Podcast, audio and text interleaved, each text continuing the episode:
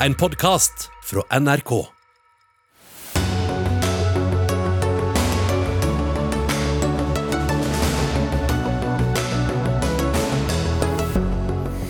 Statsminister Jonas Gahr Støre har nok en gang måttet forklare hva han har snakket og ikke snakket om med Jens Stoltenberg når det gjelder ny jobb. Og hvem er egentlig Knut Brundtland, som de begge har et tett forhold til? Enda hardere tiltak eller på tide å slippe opp? FHI forsøker å finne balansen for den kommende vinteren. Britenes statsminister Boris Johnson unnskyldte fest på statsministerens kontor da pandemien var på sitt verste i 2020. Eller unnskyldte han egentlig? Han bør uansett gå av, mener opposisjonen. Og å bruke N-ordet for å beskrive fargen på en eh, ku har skapt storm på sosiale medier. En tidligere håndballstjerne brålærte hvilke ord vi for lengst har sluttet å bruke i en episode av Farmen kjendis. God kveld. Midtveis i 2022s andre uke er dette noen av sakene i Dagsnytt 18. Jeg heter Espen Aas, der vi også skal diskutere regjeringens familiegjenforeningspolitikk og den lange ventetiden mange opplever hos Nav. Men som i går starter vi med all viraken rundt eh, Jens Stoltenbergs jobbsøknad om å bli ny sentralbanksjef. For statsminister Jonas Gahr Støre har i dag igjen måttet eh, svare på om han hadde snakket med Jens Stoltenberg om jobben eller ikke. Bakgrunnen er at han har sagt eh, to forskjellige ting. Til NTB i desember sa Støre at han ikke hadde snakket med Stoltenberg om jobben, men til TV 2 på mandag fortalte han at Stoltenberg hadde tatt opp jobben med ham under en gåtur i eh, oktober. Så hvordan henger de to tingene sammen? Vel, eh, slik forklarte Jonas Gahr Støre det hele til eh, kollega Ingunn Solheim i Stortingets vandrehall i dag. Hele poenget i mitt svar til NTB var jo at jeg har ikke diskutert kandidaturet til Jens Stoltenberg med Jens Stoltenberg. Eh, det svarte jeg da, og det har vært linjen hele veien. Eh, den turen jeg nå fortalte om, det var jo en tur som gjorde det klart at det var ikke et tema vi kan snakke om. Jeg er statsminister. Og Hvis det er slik at han gjennom mediene ellers er kandidat i en sånn stilling, så gjør det at vi ikke kan snakke om det, for det vil gjøre meg inhabil. Vi har et langt kjennskap og vennskap. Slik har det vært eh, hele veien, og det var budskapet mitt til NTB. Så kunne ikke du opplyst om at Jens Stoltenberg nevnte dette? Da NTB Hele poenget i det jeg sa, var at vi har ikke snakket om det kandidaturet. Uh, og det, På det tidspunktet så var det jo ennå ikke uh, søknad, det var ikke aktuelt. Jeg visste ikke om det var noe som kom til å materialisere seg. men Jeg, jeg kunne selvfølgelig referert til den turen. Men poenget er det. Vi har ikke snakket om det kandidaturet, innholdet i det, verken før eller siden. Men hvorfor nevnte han det? Altså, dette var 24. Uh, oktober. Pressen var jo full av omtale av det som en mulighet. Eh, og Da han nevnte at dette blir omtalt og det er noe jeg kan vurdere, så sa jeg veldig klart fra. Stoppet den samtalen. Det kan ikke vi snakke om nå. Dette var på søndag 24.10. Fredag 22. hadde jeg sagt fra på statsministerens kontor at hvis det som nå står i mediene skulle bli et alternativ, det visste vi jo ikke da, så ville jeg være inhabil i den saken. Det er notert eh, på kontoret at det, sånn må det være. Men hva ville han oppnå med å fortelle deg at han var jeg tror det var jo et bilde i nyhetene. Vi gikk på tur, vi er gamle kjente. Eh, og Han sa det at det var noe han kunne vurdere. Eh, han hadde ennå ikke søkt, eh, men jeg sa da klart fra. Det var en samtale som varte i 15 sekunder. Dette kan ikke vi snakke om, fordi jeg vil være inhabil i en sånn sak. Ja, Jonas Gahr Støre der, som også ble invitert til Dagsnytt 18 for å utdype, men beskjeden var fra statsministerens kontor at han hadde en annen avtale. Så beklager jeg litt dårlig lyd på kollega Ingunn Solheim her. Politisk redaktør i Dagens Næringsliv, Fridtjof Jacobsen. Eh, hvordan tolker du denne forklaringen på hvorvidt saken var diskutert eller ikke? Ja, Det ene er at jeg er litt usikker på om denne saken var en veldig stor mediesak eh, ved denne søndagen. Eh, tror vi Dagens Næringsliv som skrev om det tidlig, nemlig at han hadde Stoltenberg hadde drøftet dette med noen nære, kjente mennesker med sentrale posisjoner i norsk samfunnsliv, eh, kom først i november. Så det kjenner jeg meg ikke helt igjen i, hvis jeg husker dette riktig. Eh, og Det andre er at jeg, jeg, forstår ikke hvorfor han ikke kunne nevnt dette når det kom opp og det ble spurt. Eh, hvis denne versjonen er riktig, så gjorde han jo alt riktig. Det hadde vært en smal sak å si at eh, vel, han nevnte det for meg at han kunne være interessert. Jeg sa med en gang at dette kan vi ikke snakke om, jeg ville vært inhabil. og det at han liksom må forklare og at dette kommer fram nå senere og langt ute i prosessen og sånn, det styrker vel ikke Mange vil nok kanskje svekke tilliten til at, at Støre og Stoltenberg klarer å holde dette forholdet mellom seg helt presist og åpent. Ettersom det nå er blitt vel liksom første berøring, så er det litt sånn uklart hva som egentlig har skjedd. Det tror jeg det har nok ikke styrket Stoltenbergs kandidatur. I hvert fall er det noe som statsministeren og andre har har sagt at uh, her ser hvor vanskelig det er for disse to å holde, uh, liksom, uh, holde orden i kortet. Mm.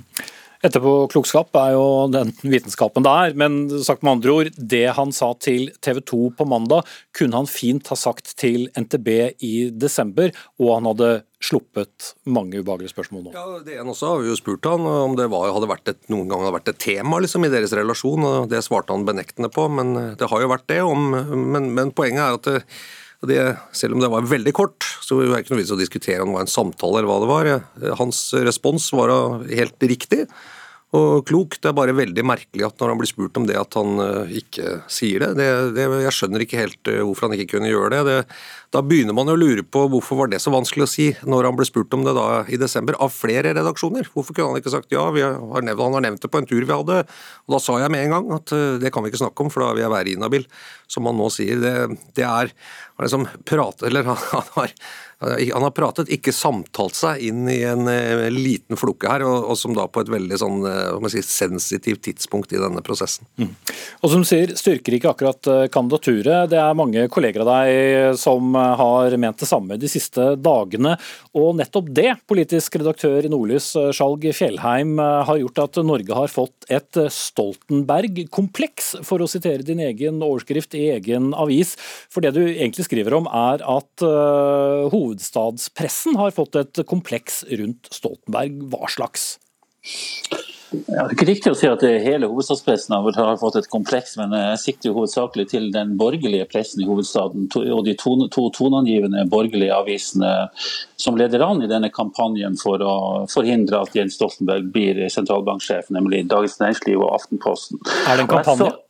Ja, så dette er jo slik kampanjejournalistikk eh, ser ut. Det vi har vært vitne til de siste ukene. Det handler ikke om noe annet enn å være for eller imot Jens Stoltenberg. Det finnes ikke noe ståsted i midten her, helt åpenbart. Og jeg satt og så på dette programmet Debatten i går kveld, og da eh, var jo nesten dynamikken hentet ut fra 70-tallets Norge og disse debattprogrammene som NRK hadde den gangen, hva var det de het? Åpen post og På sparket. Der, eh, dette var jo i partipressens tid, da redaktøren ikke gjorde noe forsøk på å skille mellom ideologiproduksjon og journalistikk. Mm. Og okay, jeg, jeg, har, jeg, tror vi har, har poenget, Fjellheim, men bare for å minne om historikken. Du mente vel akkurat det samme helt først?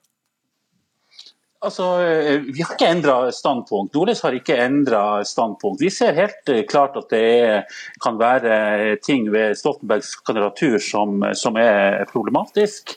Eh, det vi diskuterer her, det er jo, er jo det tvisynet som er nødvendig å utøve i journalistikken her, når det, når det kommer til, til, det å bringe frem gråsoner, det å bringe frem nyanser i denne diskusjonen. og Det er det jeg forsøker å bidra til med å løfte frem en diskusjon om spesielt kommentarjournalistikkens funksjon i denne mm. prosessen. Og, og Fridtjof Jacobsen, hva tenkte du da du leste denne?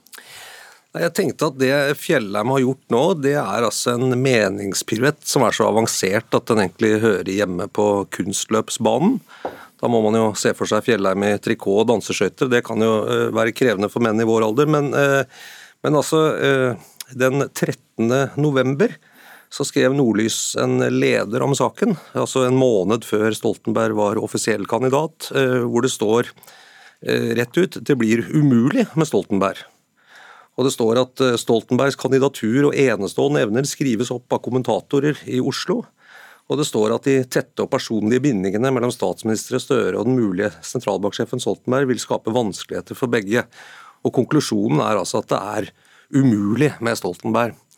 Og det eh, Argumentene som, eh, som Nordlys kom med, for vi regner med at det kanskje dette var Fjellheim, siden han viser til at han har ment noe annet før, eller hva Nordlys mener, er jo nå gjentatt. Eh, riktignok er det noen som har brukt litt lengre tid på å komme til den konklusjonen, etter hvert som debatten har gått om dette, i flere innlegg fra begge sider, bl.a. i Dagens Næringsliv, og mange ulike kommentarer.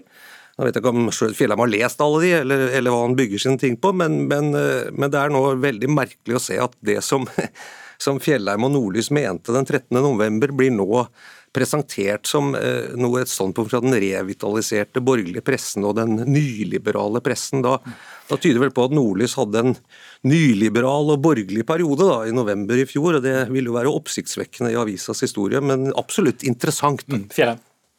Ja, Det var noe voldsomt. Eh, altså det jeg forsøker å si er at eh, Denne saken har vært eh, under utvikling siden november. Vi forsøker her å bidra med, med noen nyanser, tvisyn. Det er ganske inspirerende å gjøre det. Jacobsen burde forsøke det ved en sjelden anledning, hvis han har anledning til det. Det som jeg syns er noe av det mest beklagelige med det Hva har jeg skrevet om saken da, Fjellheim? Men jeg får lov til å si at den mest beklagelige med eh, denne ordbruken som nå brukes fra eh, noen av kommentatorene kommentatorene som dekker denne saken, bl.a. i din avis, eh, Jacobsen, det at man bruker begreper som at man må sverge troskap til sosialdemokratiet.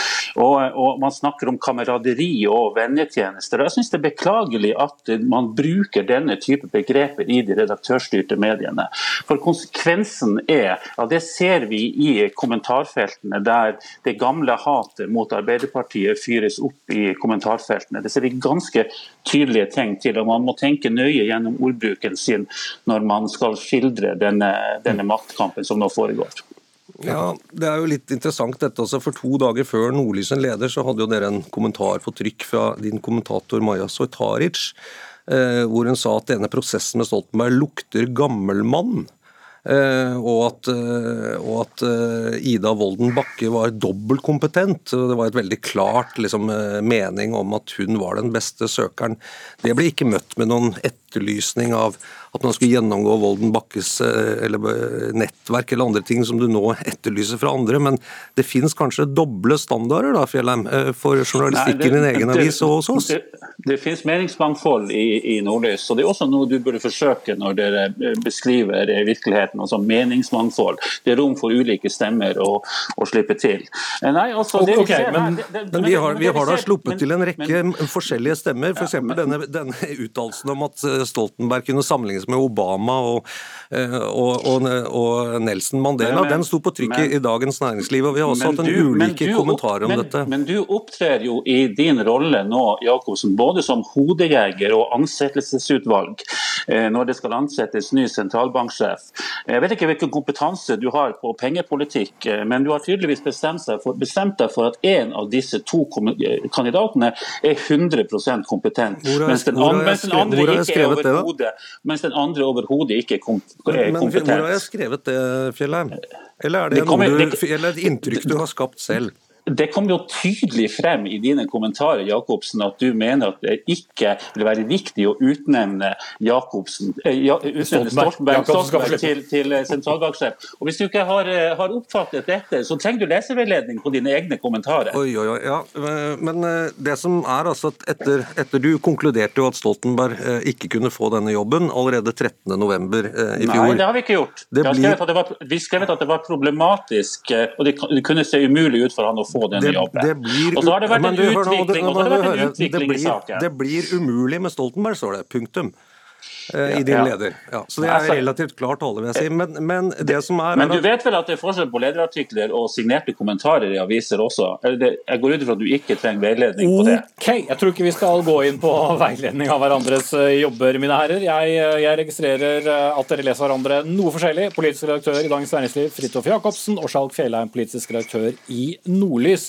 Men vi slipper ikke helt denne saken, for gåturen med Jens Stoltenberg og Jonas Gahr Støre er ikke det eneste møtet som har har fått oppmerksomhet i dette sakskomplekset.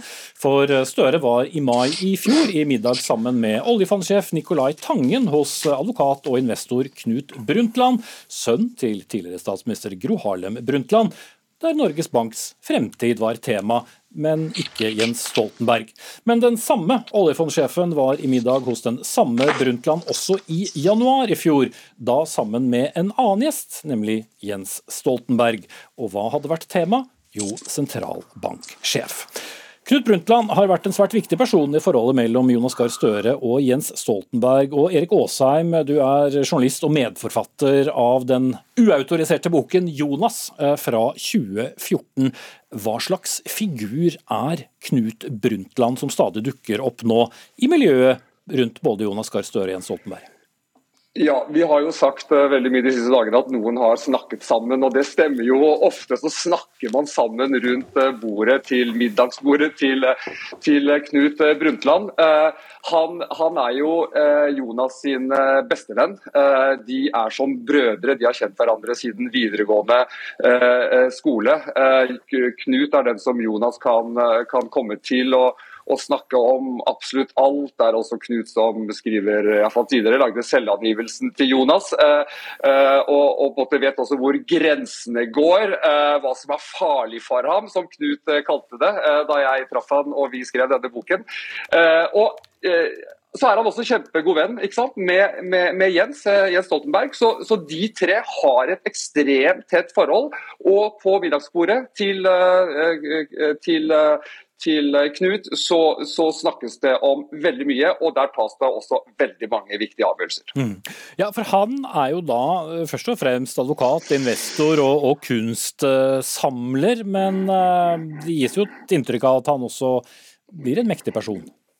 Ja, han blir en mektig person. Han, eh, han, har vært der ved alle de store vendepunktene i, i Jonas sin eh, karriere. Noen ganger bare som engasjert venn, men noen ganger også som, som rådgiver. Og også styrt Jonas i rett retning. Eh, det han fortalte til, til Nina Stensrud, Martin og jeg, som skrev denne boka om Jonas sammen, det var at det var Knut som ideen, altså som lanserte ideen for Jonas uh, nei, til Jens om å bruke Jonas uh, som stabssjef og hente han fra, fra, moren Gro, som da var sjef i Verdens helseorganisasjon. Det var også han som foreslo for Jens at Jonas bør bli helseminister.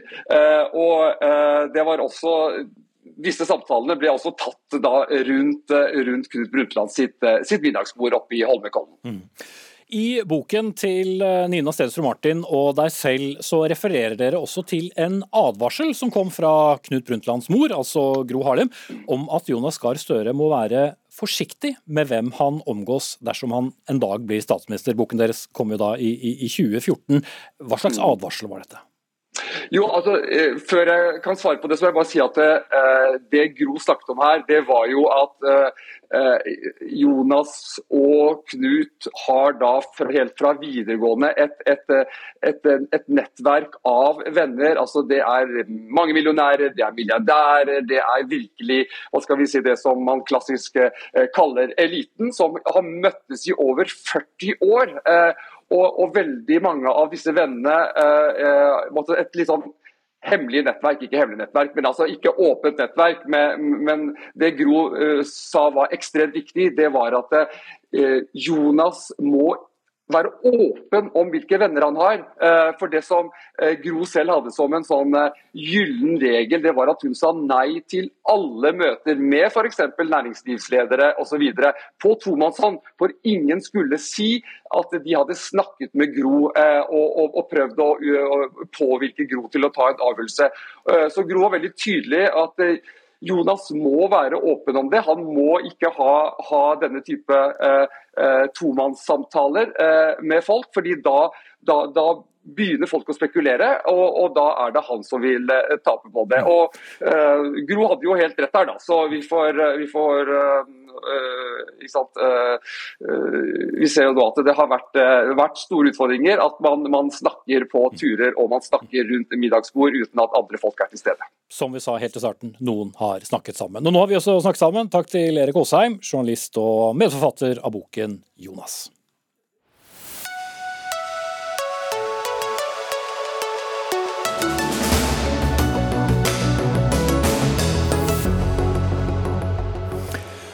Langt eh, flere smittede, men langt færre sykehusinnleggelser. Det er en veldig forenklet eh, versjon av hva Folkehelseinstituttet kom med i sin risikovurdering som ble lagt frem i dag.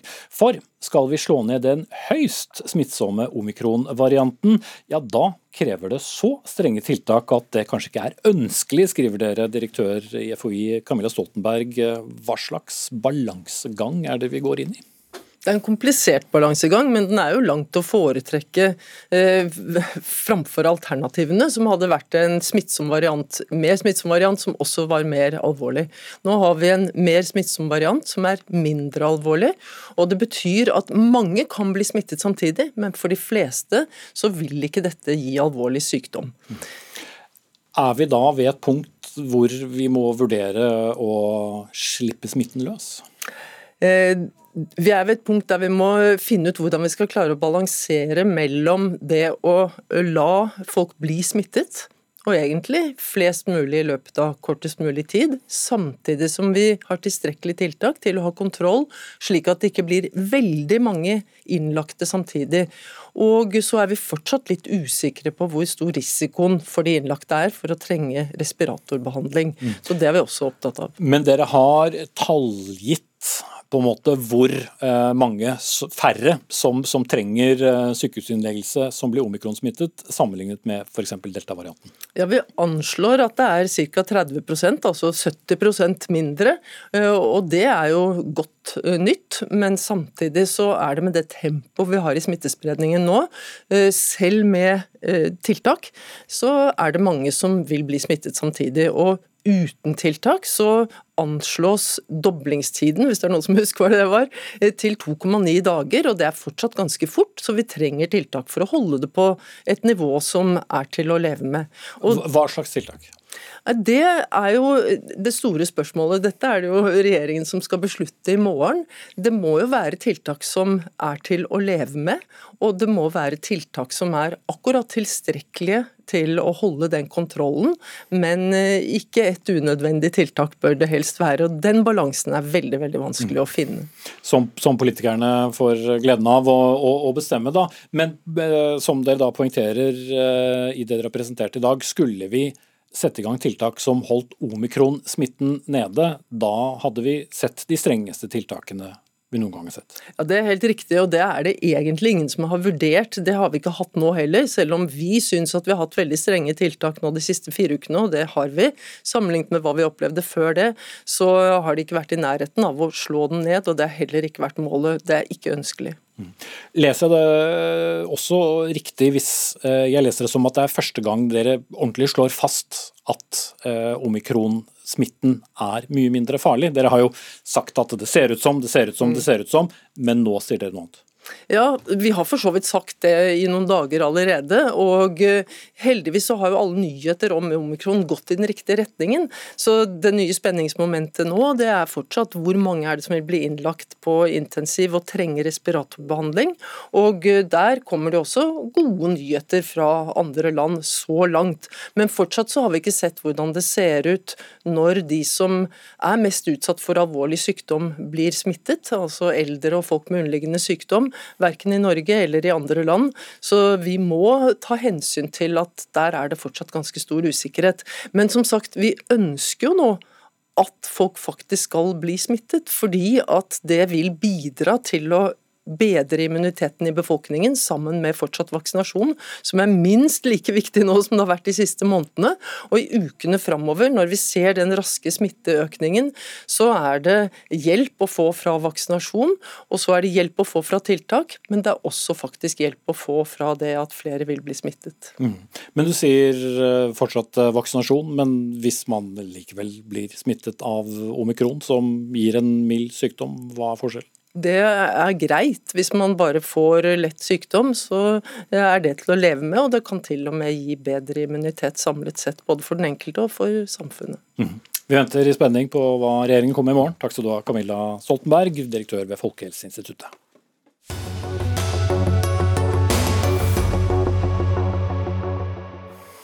Et uh, kort frempek på noe som kommer litt senere i sendingen. Han er kjent for sin høyst uryddige hårsveis og sin svært omtrentlige omgang med det meste, men i dag gjorde Boris Johnson noe han ikke gjør så ofte.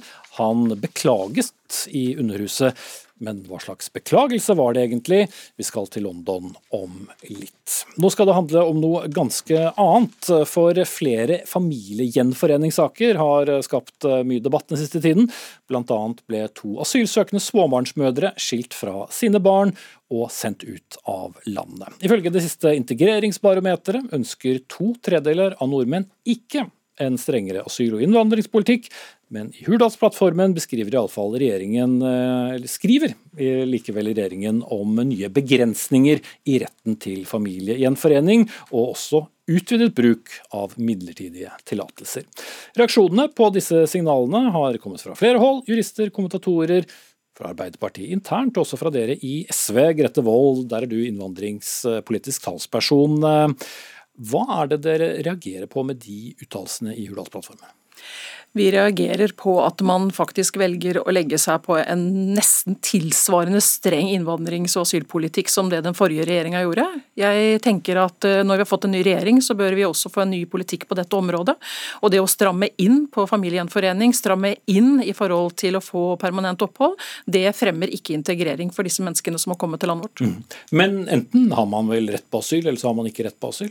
Det er helt riktig. Og så er det noen vurderinger som ligger til bunn der. og vi ser jo også ganske mange dommer etter hvert som viser at de avgjørelsene som UNE har tatt, ikke bestandig heller er i tråd med norsk lov.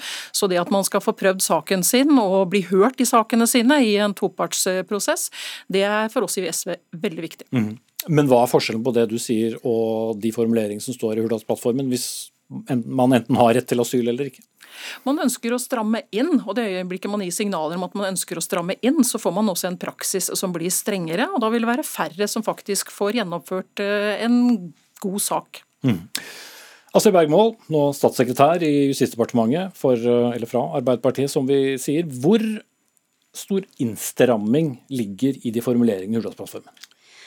Nei, denne regjeringen er opptatt av å føre en innvandringspolitikk som er forutsigbar, som er ansvarlig og som er stabil eh, og bygger på eh, brede forlik. Så i all hovedsak så, så, er det jo rett som du sier at eh, innvandringspolitikken kommer til å bli videreført.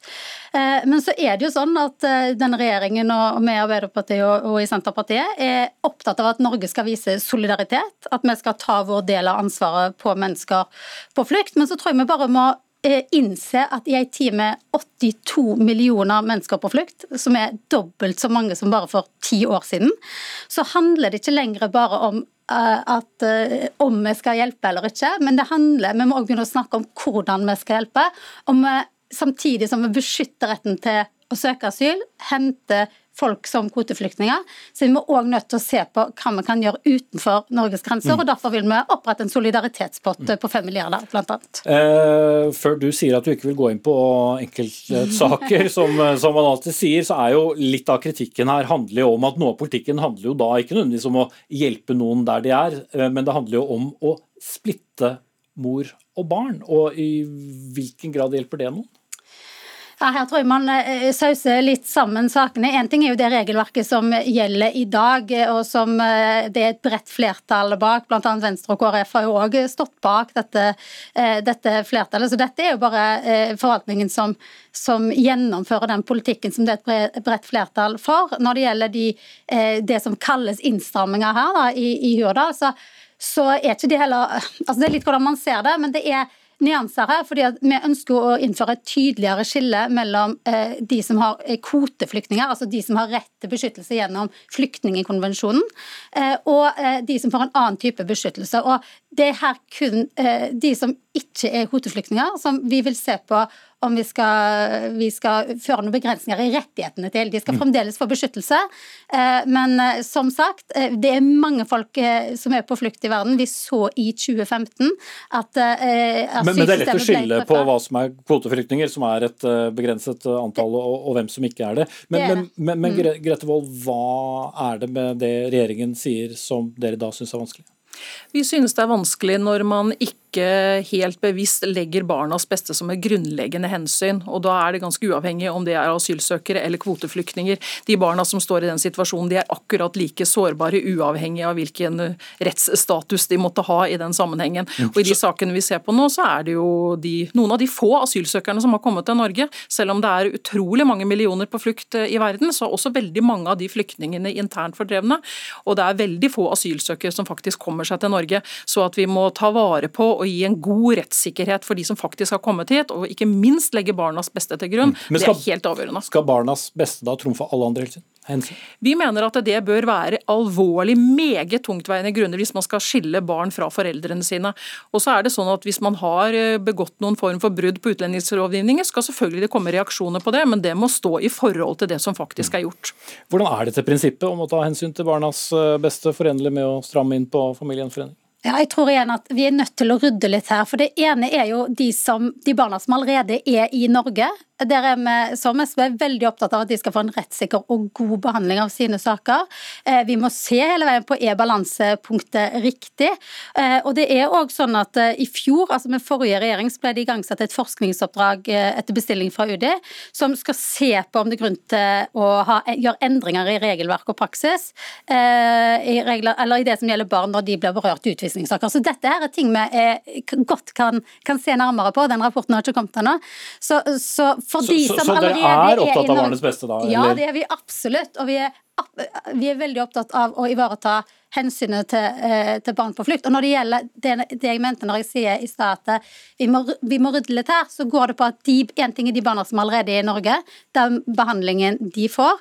Og det er klart at vi ser eh, i enkelte saker at der foreldrene har brutt eh, utlendingsloven, så går det jo òg utover eh, barna. Eh, og så er det det som ligger i Hurdal. Det handler ikke om de barna som allerede er her. Det handler om en innstramming der det kommer et voksent menneske til Norge som ønsker å få familiegjenforening, og da er spørsmålet om de skal få det eller ikke. Klokere vold? Det er jo nettopp det som er litt utfordringen nå. Mens man da utviser disse småbarnsmødrene, så sitter man og utreder et arbeid. Man burde jo satt de sakene på vent til man var ferdig med det utredningsarbeidet, så man nå ikke utsetter disse små barna for det traumet det faktisk er å bli skilt fra sin omsorgsperson. Mm. Selv om man har brutt utredningsloven? Der bør man gå igjennom dette, og så bør man se på en forholdsmessig reaksjon, og ikke skille mor og barn. Ok, jeg setter ja, Du kan få 20 sekunder hvis du klarer det. Ja, helt godt så vil jeg jo bare si at Vi er åpne for, altså, vi har òg eh, sagt at vi må se på alternative straffereaksjoner. og Forrige regjering eh, og, eh, fikk på plass en lovendring som gjør at det, det finnes nå en alternativ straffereaksjon. Men det er klart at ett sted må man sette et, går det en grense sånn i forhold til tid. og Dette kommer ikke de eksisterende sakene eh, til gode. Men vi vet at for saker i framtida så vil det være mulig eh, med en alternativ eh, reaksjon ved brudd på utlendingsloven. Hva alternative reaksjoner betyr, eh, får vi se, men godt, eh, sa Grete Wold, innvandringspolitisk statsperson i SV, til Astrid Bergmål, som er statssekretær fra Arbeiderpartiet i Justisdepartementet.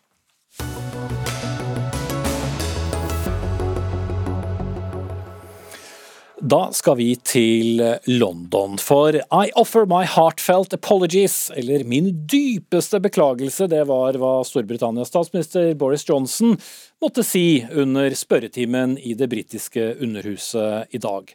Johnson har innrømmet at han var på en hagefest i Downing Street eh, nummer 10, altså statsministerens eh, kontor, og det i mai 2020. Et tidspunkt da koronaen herjet som verst i Storbritannia. Folk måtte holde seg inne, ja, nære familiemedlemmer fikk ikke engang gå og ta farvel med sine nærmeste på dødsleiet mens det altså var hagefest i Downing Street. Opposisjonspartiet Labour, som er det britiske Arbeiderpartiet, krever at statsministeren nå må gå av. Og Gry Blekastad Almås, vår London-korrespondent med fra Themsens søndre bredd, hva slags beklagelse var det egentlig statsministeren kom med, når vi oppsummerer den? Nei, Han holdt på å si, kuppet jo spørretimen i parlamentet bak her med denne beklagelsen. Men det han beklaget, var ikke at han var til stede på en fest som var ulovlig. Han beklaget at folk ble provosert av det som kan synes å være ulovlig eller upassende handlinger fra ham selv og fra regjeringens side. Så det var det jo mange som mente mente underveis i spørretimen og etterpå at det ikke var en tilstrekkelig eh, beklagelse. Og som du er inne på, Boris Johnson kom også med en innrømmelse, nemlig at han var til stede på dette arrangementet. Men det han sa om det, var altså at han eh, trodde det var et jobbrelatert eh, arrangement. At han var til stede i 25 minutter for å takke medarbeiderne sine for innsatsen gjennom en vanskelig periode, og at han gikk igjen. I ettertidens lys så skulle jeg ha bedt de andre også om å gå inn igjen, sa han i dag. Mm, mye etterpåklokskap også her. Opposisjonsleder sir Keir Starmer har sagt at Johnson nå må gå av, men ja, overraskelsen er kanskje ikke stor over at Johnson ikke er helt enig?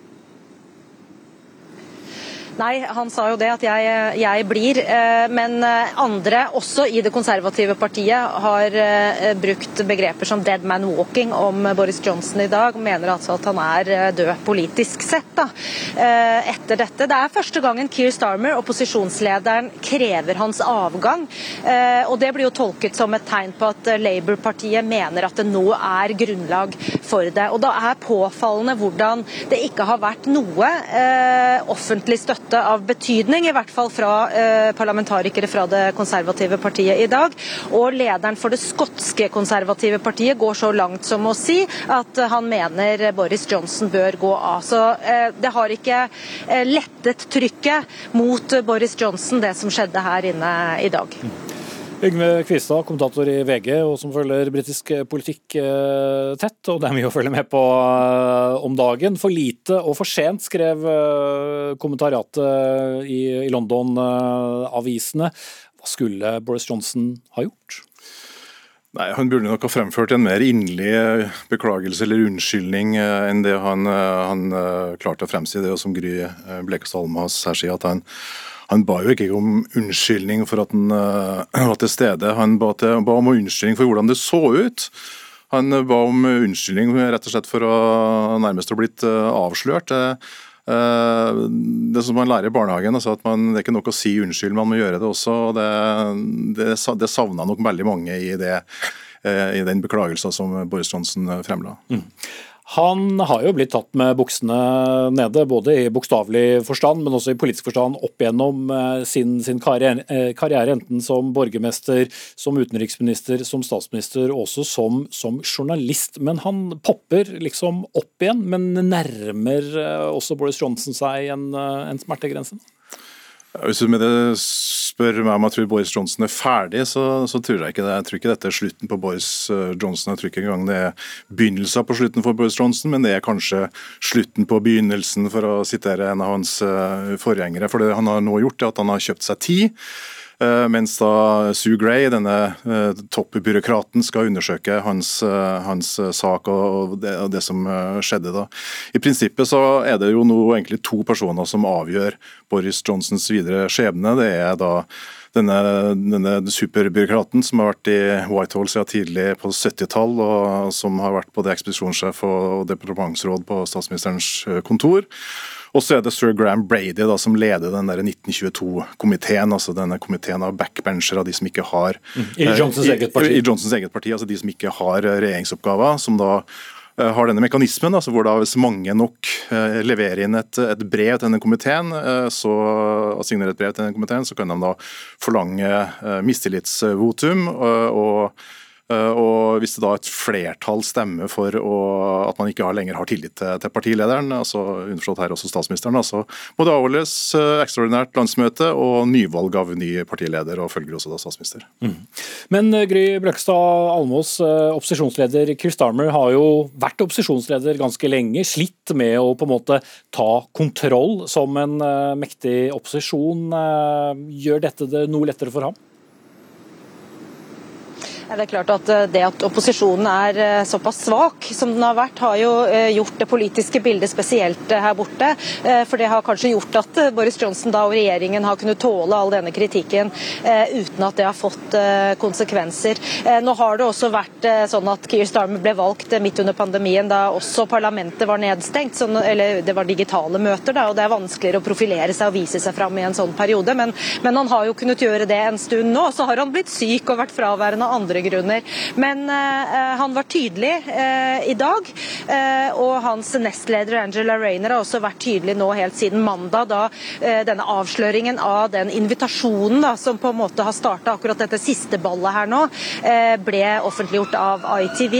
For til forskjell fra en del av de andre festene som vi snakka mye om før jul, som skal ha vært rundt regjeringen i lockdown-perioden, så har man her da fått se et håndfast bevis på en invitasjon eh, hvor omtrent 100 eh, ansatte ved statsministerens kontor blir invitert til å nyte det fine været. Dette var i mai 2020, mens det kun var lov til å møte ett annet menneske utendørs, og andre absolutt ikke fikk nyte det fine været. Så skulle altså de gjøre det, og det ble oppfordra til å ta med seg egen alkoholholdig drikke. På dette, som Boris Johnson i dag har sagt at han trodde var et eh, arbeidsmøte. Mm. Det blåser hardt. Takk skal dere ha begge to. Yngve Kvistad, kommentator i VG, og London-korrespondent Gry Bekastad Almås.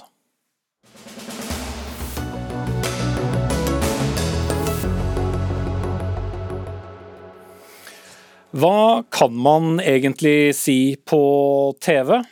selv om eh, du bivåner en eh, plutselig hendelse i et eh, reality-TV-show. Akkurat det har tidligere håndballstjerne Kjersti Grini lært noe om det siste døgnet. For sammen med elleve andre deltakere i TV 2-programmet Farmen kjendis lever hun, som folk gjorde i gamle dager, på gård men kanskje uttrykte hun seg også som de gjorde i gamle dager. Iallfall har det blitt et voldsomt rabalder da hun under et kuslipp, altså når man slipper kuer løs på beite, eh, sa følgende sitat. Det ser jo ut som en negerku, hun er jo helt svart i ansiktet. Sitat slutt. Og Kjersti Griner, du er med oss på linje. Det var jo også du som, som, sa disse ordene i et forsøk på å være morsom. Det var jo ikke alle som har, har sett dette, selv om det var eh, Norges tredje mest sette program i går. Eh, hvorfor brukte du akkurat de ordene? Altså, vi, eh, Jeg har ikke noen grunn til det. Eh, jeg har vokst opp med at eh, ordet er nøytralt. Men det jeg mener å si, er bare 'oi, se på den kua'. Så jeg har ingen lur forklaring på det, og jeg skulle gjerne hatt det usagt. Det tror jeg mange forstår ut fra en del av reaksjonene. I selve da episoden sier du selv at det er ikke snakk om at jeg er rasist, så jeg tenker at jeg kan si de ordene jeg vil. Men etter å ha sett reaksjonene, så angrer du altså? Ja, og det er klart den klippen der syns jeg jo eh, var ganske uheldig. For det virker som om eh, det er viktig for meg å bruke det ordet, og det er det slettest ikke. Eh, det som skjer når jeg sier det, så blir jeg jo veldig tatt på senga av reaksjonene. Og jeg prøver å forklare, forklare meg, fordi jeg opplever det som et veldig unødvendig angrep. Jeg fins ikke rasistisk. og men jeg skjønner at eh, jeg når ikke fram med at eh, ordet for meg eh, ikke er negativt. Og, og lander da ganske fort på at vet du hva, bare at du blir lei deg, Øyunn, er nok for meg. Da, da ligger jeg unna det ordet. Og, og, så var det egentlig den saken død der og da. Mm. Men, men, du mener det handler litt om et generasjonsskille, hvis jeg forstår deg rett. og Man skal være forsiktig med å si kvinners alder, men, men du er 50 år og du tenker at det er annerledes når man er 50 enn når man er yngre? den ordbruken? Altså, Nei, i dag så er jeg helt enig med alle andre at eh, la oss nå bare la være å bruke ordet. Eh, men det som eh, jo er oppoverbakke, er å prøve forklare unge hvordan ting var før. og Jeg forstår veldig godt nå, jeg har ikke tenkt veldig nøye på det, men jeg forstår jo veldig godt nå at unge de siste 20 åra har vokst opp med at dette ordet er ikke greit å bruke. Eh, og det er eh, nedlatende om en eh, folkegruppe som har slåss for å bli kvitt benevnelsen om seg sjøl, og, og at den stammer fra slaveri og undertrykkelse. Så når jeg nå forstår det, så er jo saken lett for meg. Mm. Min villfarelse før Farmen var at jeg er litt sånn mot krenkehysteri. Og i mitt hode så tenkte jeg at uh, de unge endrer språket. altså Greit, de har masse nye ord som jeg skal lære meg, men, men vær så snill å ikke ta bort ord også. Uh, da, blir det, da, blir det, vanskelig å være eldre. Mm. Ok, Jeg skal ta inn uh, en debattant her i studio, nemlig deg, Thomas Talov Prestø, samfunnsdebattant. Dette er jo en diskusjon som dukker opp med jevne mellomrom, og den har pågått i mange tiår. Men hvor går det egentlig noe skille lenger? Altså, eh, det har blitt eh, sagt at eldre generasjon har et annet forhold til det ordet enn kanskje jeg, som er mer middelaldrende, enn noen som er, er 20 år. Hvordan ser du på det? Altså, Det er jo den generasjonen som er rundt 50 nå, som både har sett etterlevningen av borgerrettighetsbevegelsen, antisegregering, anti-apartheid. Så det er jo egentlig en generasjon som burde være mye mer satt inn i det, nesten enn den yngre generasjonen. Eh, nå tenker jeg at Man må jo også rydde her, fordi det er jo ingen foreløpig som av de som det angår, altså de som er melaninrike, som, som har reagert veldig sterkt på at en ku har blitt kalt negerku. Altså det syns man må rydde. Mm. Men det er ordet, N-ordet, som vi gjerne sier? Det, det, skal ikke brukes på mennesker, det skal ikke brukes på meg eller andre som ser ut som meg, men det har hun heller ikke gjort. så Derfor er det veldig viktig at man er ryddig her, og, og hva er det vi snakker om? Eh, at en ku blir kalt det, er det ikke veldig mange som har vært veldig såre for. Samme som ikke at faren til Pippi Langstrømpe ikke er negerkonge heller. Så det er en, del av de gangene hvor dette dukker opp, så er det litt oppkonstruert. Men det er ikke krenkelseshysteri at man sier at man ikke ønsker å bli kalt det ordet som har en såpass grov historikk og som har blitt brukt for å umenneskeliggjøre noen. Så det må, bare, det må på en måte si at det er ikke krenkelseshysteri og ikke ønske å bli kalt det ordet. Nei, men å bruke For mange reagerer, og jeg har snakket med folk selv i dag, så, så, som reagerer veldig bare av at de fem bokstavene eh, brukes, altså N-ordet, eh, over hodet. Eh, men du mener at så lenge det da her brukes i omtale av da, en, Nei, en, en kul, så Jeg mener ikke at det er så lenge det er, men jeg mener at det er viktig at man ikke ilegger melaninrike at de er veldig lettkrenkede. Vi reagerer når vi blir kalt det, og vi reagerer på de konsekvensene som det ordet fremdeles har på vårt liv. Og at det er en stor forskjell mellom det, og at vi reagerer på at en ku har blitt kalt det, som vi nå da ikke har gjort. Sånn at man er tydelig på hva er det vi faktisk diskuterer her. Og, og, det, og det, er bruken av, av, av dette ordet om, om, andre mennesker. da. Ja. Eh, men, men eh, Kjersti Grini, med din lange karriere bak deg i, i, i håndballsporten, vil du si det er et ord som har vært vanlig å, å høre? Nei, slett ikke. Eh, verken vanlig å høre eller, eller bruke. Jeg tror ikke jeg bruker det, eller har brukt det særlig ofte sjøl heller. Så ja, jeg syns ikke vi skal forvirre unge mennesker eh, mer. Eh, jeg skjønner at jeg er forvirra godt nok eh, nå, så for meg er det enkelt. La oss nå ikke bruke det. Og, men det jeg håper, er at unge i dag kan forstå at eldre mennesker kan bruke det ordet uten at de tenker seg om, og at det ikke ligger noe negativt i det. At de kan ha med seg det. Og jeg tror de aller fleste, hvis man forklarer at du vet hva, i dag er ikke det greit, så, så skjønner vi det. Um, men det å angripe uh, og gå ut fra at man er uh, rasist, hvis man kan komme til å si det ordet, som jo jeg har opplevd i disse dagene, veldig surrealistisk å ha en Instagram-konto nå full av uh, hat og hets, hvor, folk, hvor jeg skjønner at folk tror jeg er rasist fordi jeg har sagt de fem bokstavene. Og, og det syns jeg er unødvendig leit. For, ja, ja. Ok, tiden går her. Men, men, men Prestø, forstår du reaksjonen? Altså det, det, jeg forstår at det man må forstå er hvor ofte vi møter det ordet, og hvor ofte vi møter det negativt. Norskafrikanere har reagert på det ordet i faktisk nærmere 50 år, og veldig tydelig de siste 25 årene pga. hva vi møter her i Norge. Det er ikke importert fra USA og sånn. Vi reagerer på det ordet, på hvordan vi møter det ordet som norskafrikanere og som nordmenn som er melaninrike. Og det ordet blir fremdeles i dag brukt ganske mye mer rasistisk og ganske mye mer skadelig enn det, det jeg tror mange har fått med seg. Så bare sånn at man faktisk forstår at det er ganske grov hets og grov mobbing som fremdeles foregår i det norske samfunnet tilknyttet det ordet, og nettopp derfor reagerer norske afrikanere på at det ordet blir brukt. Mm. Så kort og godt, glem ordet. Jeg kommer ikke til å savne det hvert fall. Kanskje ikke du heller, Kjersti Grini. Ok, noen har vel lært et og annet både å høre den diskusjonen, og noen har lært et og annet av å være med i Farmen også, kanskje. Takk til Kjersti Grini og Thomas Talo Prestø.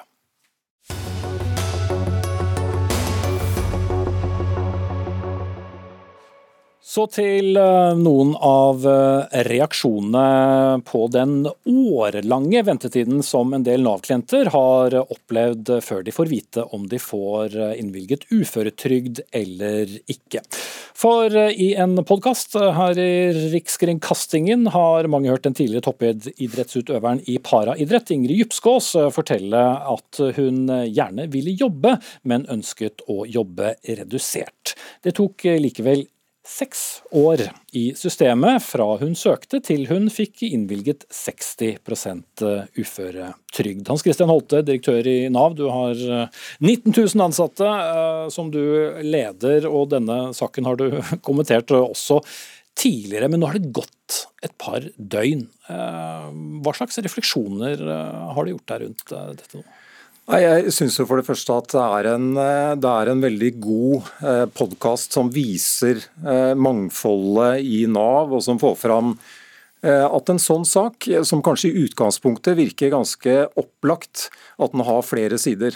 Så jeg vil rett og slett reklamere litt for å gå inn og høre podkasten og, og, gå litt i dybden på det, for det mm. viser at det er Men jeg vil ha selvrefleksjonen fra Nav-sjefen. Men hyggelig det, for all ja. del, med podkasten. Men, men det, det er det må jo uh, ha gått noen runder i ditt hode fra du kommenterte den her i, i Nyhetsmorgen uh, for en liten stund siden og, og tidlig i dag? Ja, altså Vi har snakka mye om den internt. Eh, det som jeg gjerne vil få sagt, er jo at det er fire år med utdanning inne i de seks årene som du sier nå innledningsvis.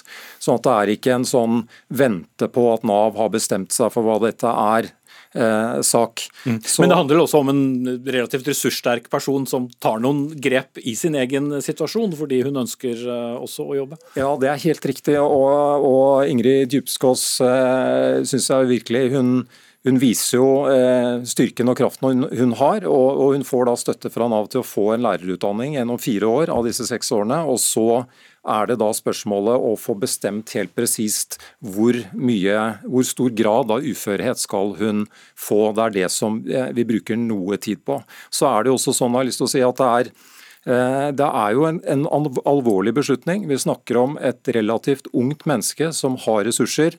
Eh, hvor mye kan vedkommende bidra i arbeidslivet for egen del og for samfunnets del? Eh, så den type beslutninger bruker vi noe tid på, gjennomsnittlig fire måneder. Mm. Men er en sak der en person altså virkelig vil jobbe, men mener selv at hun eller han ikke kan eh, jobbe eh, fullt, så vanskelig å avgjøre? Vi har et tydelig regelverk, et lovverk, som sier at det skal være godt dokumentert og avklart hvor mye en person kan jobbe når det, eller eventuelt ikke jobbe da, når det innvilges eh, uføretrygd. Slik at det er ganske, det er ikke stort eh, handlingsrom sånn sett, selv om vi må gjøre individuelle vurderinger av hver enkelt person. Men det er altså et regelverk som er ganske strengt sånn sett, nettopp fordi det er eh, store avgjørelser for samfunnet og for den enkelte. Mm. Tuva Moflag, stortingsrepresentant fra Arbeiderpartiet, også andre nestleder i arbeids- og sosialkomiteen på, på Stortinget. Dette er jo ikke da en enestående sak. Men eh, er det politikerne som lager rammene som har ansvaret, eller eh, er det saksbehandlerne og byråkratene som har skylda her?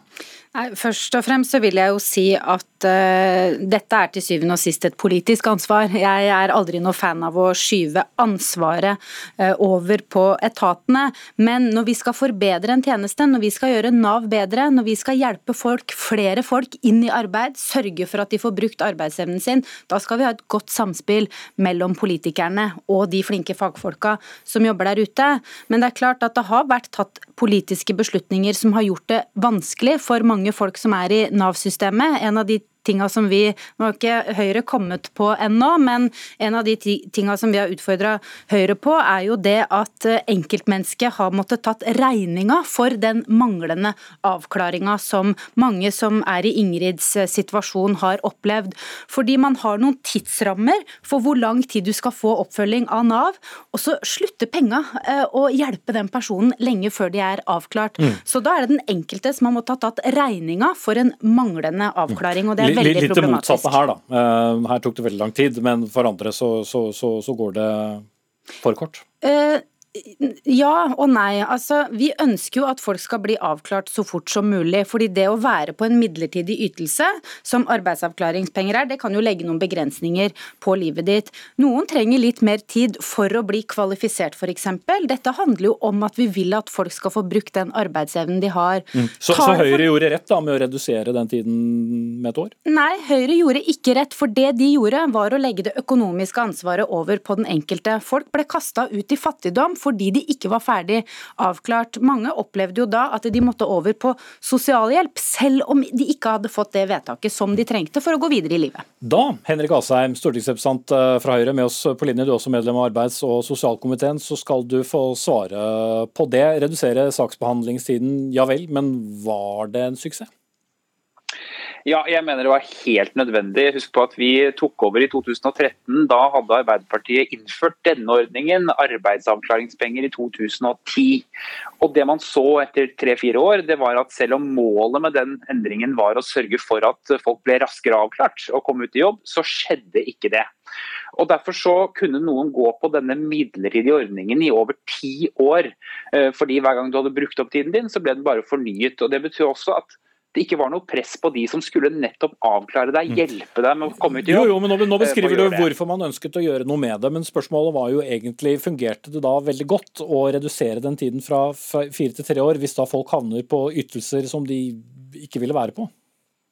Ja, det gjør det både fordi det har ført til at flere har blitt avklart raskere. Eh, og det er også slik at eh, Selv om vi ønsker at flest mulig skal eh, jobbe og bidra i jobb, så er det også noen som skal ha uføretrygd. Og Det er viktig for dem å få avklart det raskere. og Derfor gjorde man nettopp denne endringen. Og Jeg er jo spent på hva Arbeiderpartiet har tenkt å gjøre i regjering nå. for Hvis de nå har tenkt til å fjerne den tidsbegrensningen, si at du kan gå på denne ordningen så lenge du vil, så vil det bety at mange nettopp vil oppleve det samme som Jupskås opplevde, nemlig at man blir stående og vente vente på en avklaring istedenfor å få den. Men hva er det dere egentlig vil, Tuva Moflag? Det vi har sagt er at eh, du skal få eh, oppfølging fra Nav til du er ferdig avklart. Det Høyre her gjorde var jo å sende folk ut i fattigdom. Eh, det hjelper jo ikke at ja, men skal, det være en, skal det være da en tidsbegrensning som i dag på tre år? Skal den økes til fire år? Kan man ha muligheten til å, å forlenge dette sånn som det var, eller hva? Det kan være flere måter å løse det på. Det er jo noe vi kommer tilbake til nå tidlig i løpet av våren. Det vi gjorde i forbindelse, forbindelse med statsbudsjettet nå, var jo å sørge for at ingen detter ut første halvår. 770 millioner kroner bruker vi på å forlenge arbeidsavklaringspengene ut juni. Det stemte Høyre nei til. Så de vil jo fortsatt at folk skal bli stående uten inntektssikring.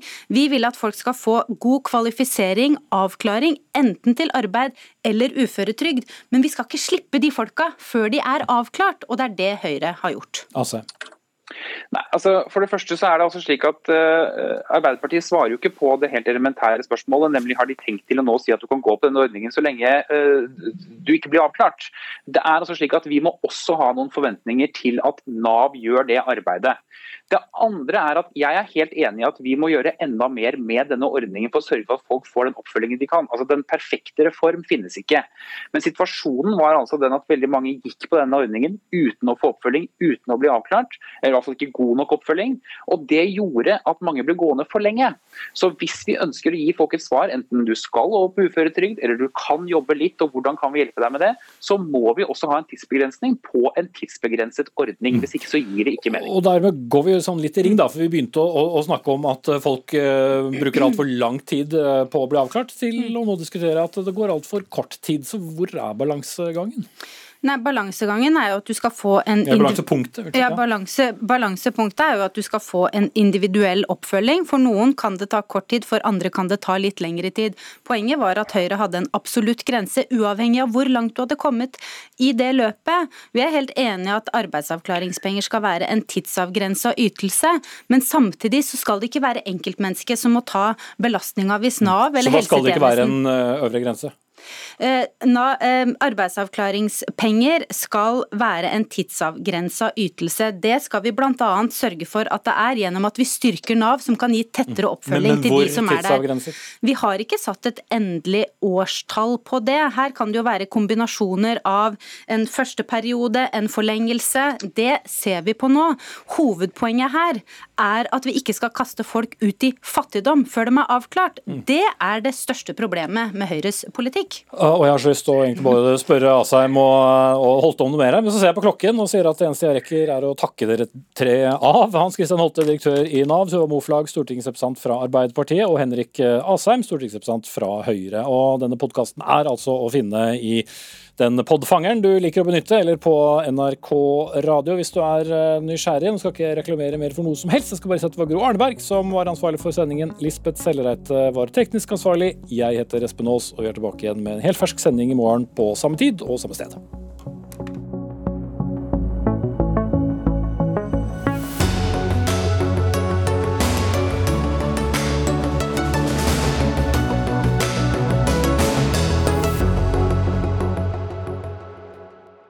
Du har hørt en podkast fra NRK. Hør flere podkaster og din favorittkanal i appen NRK Radio.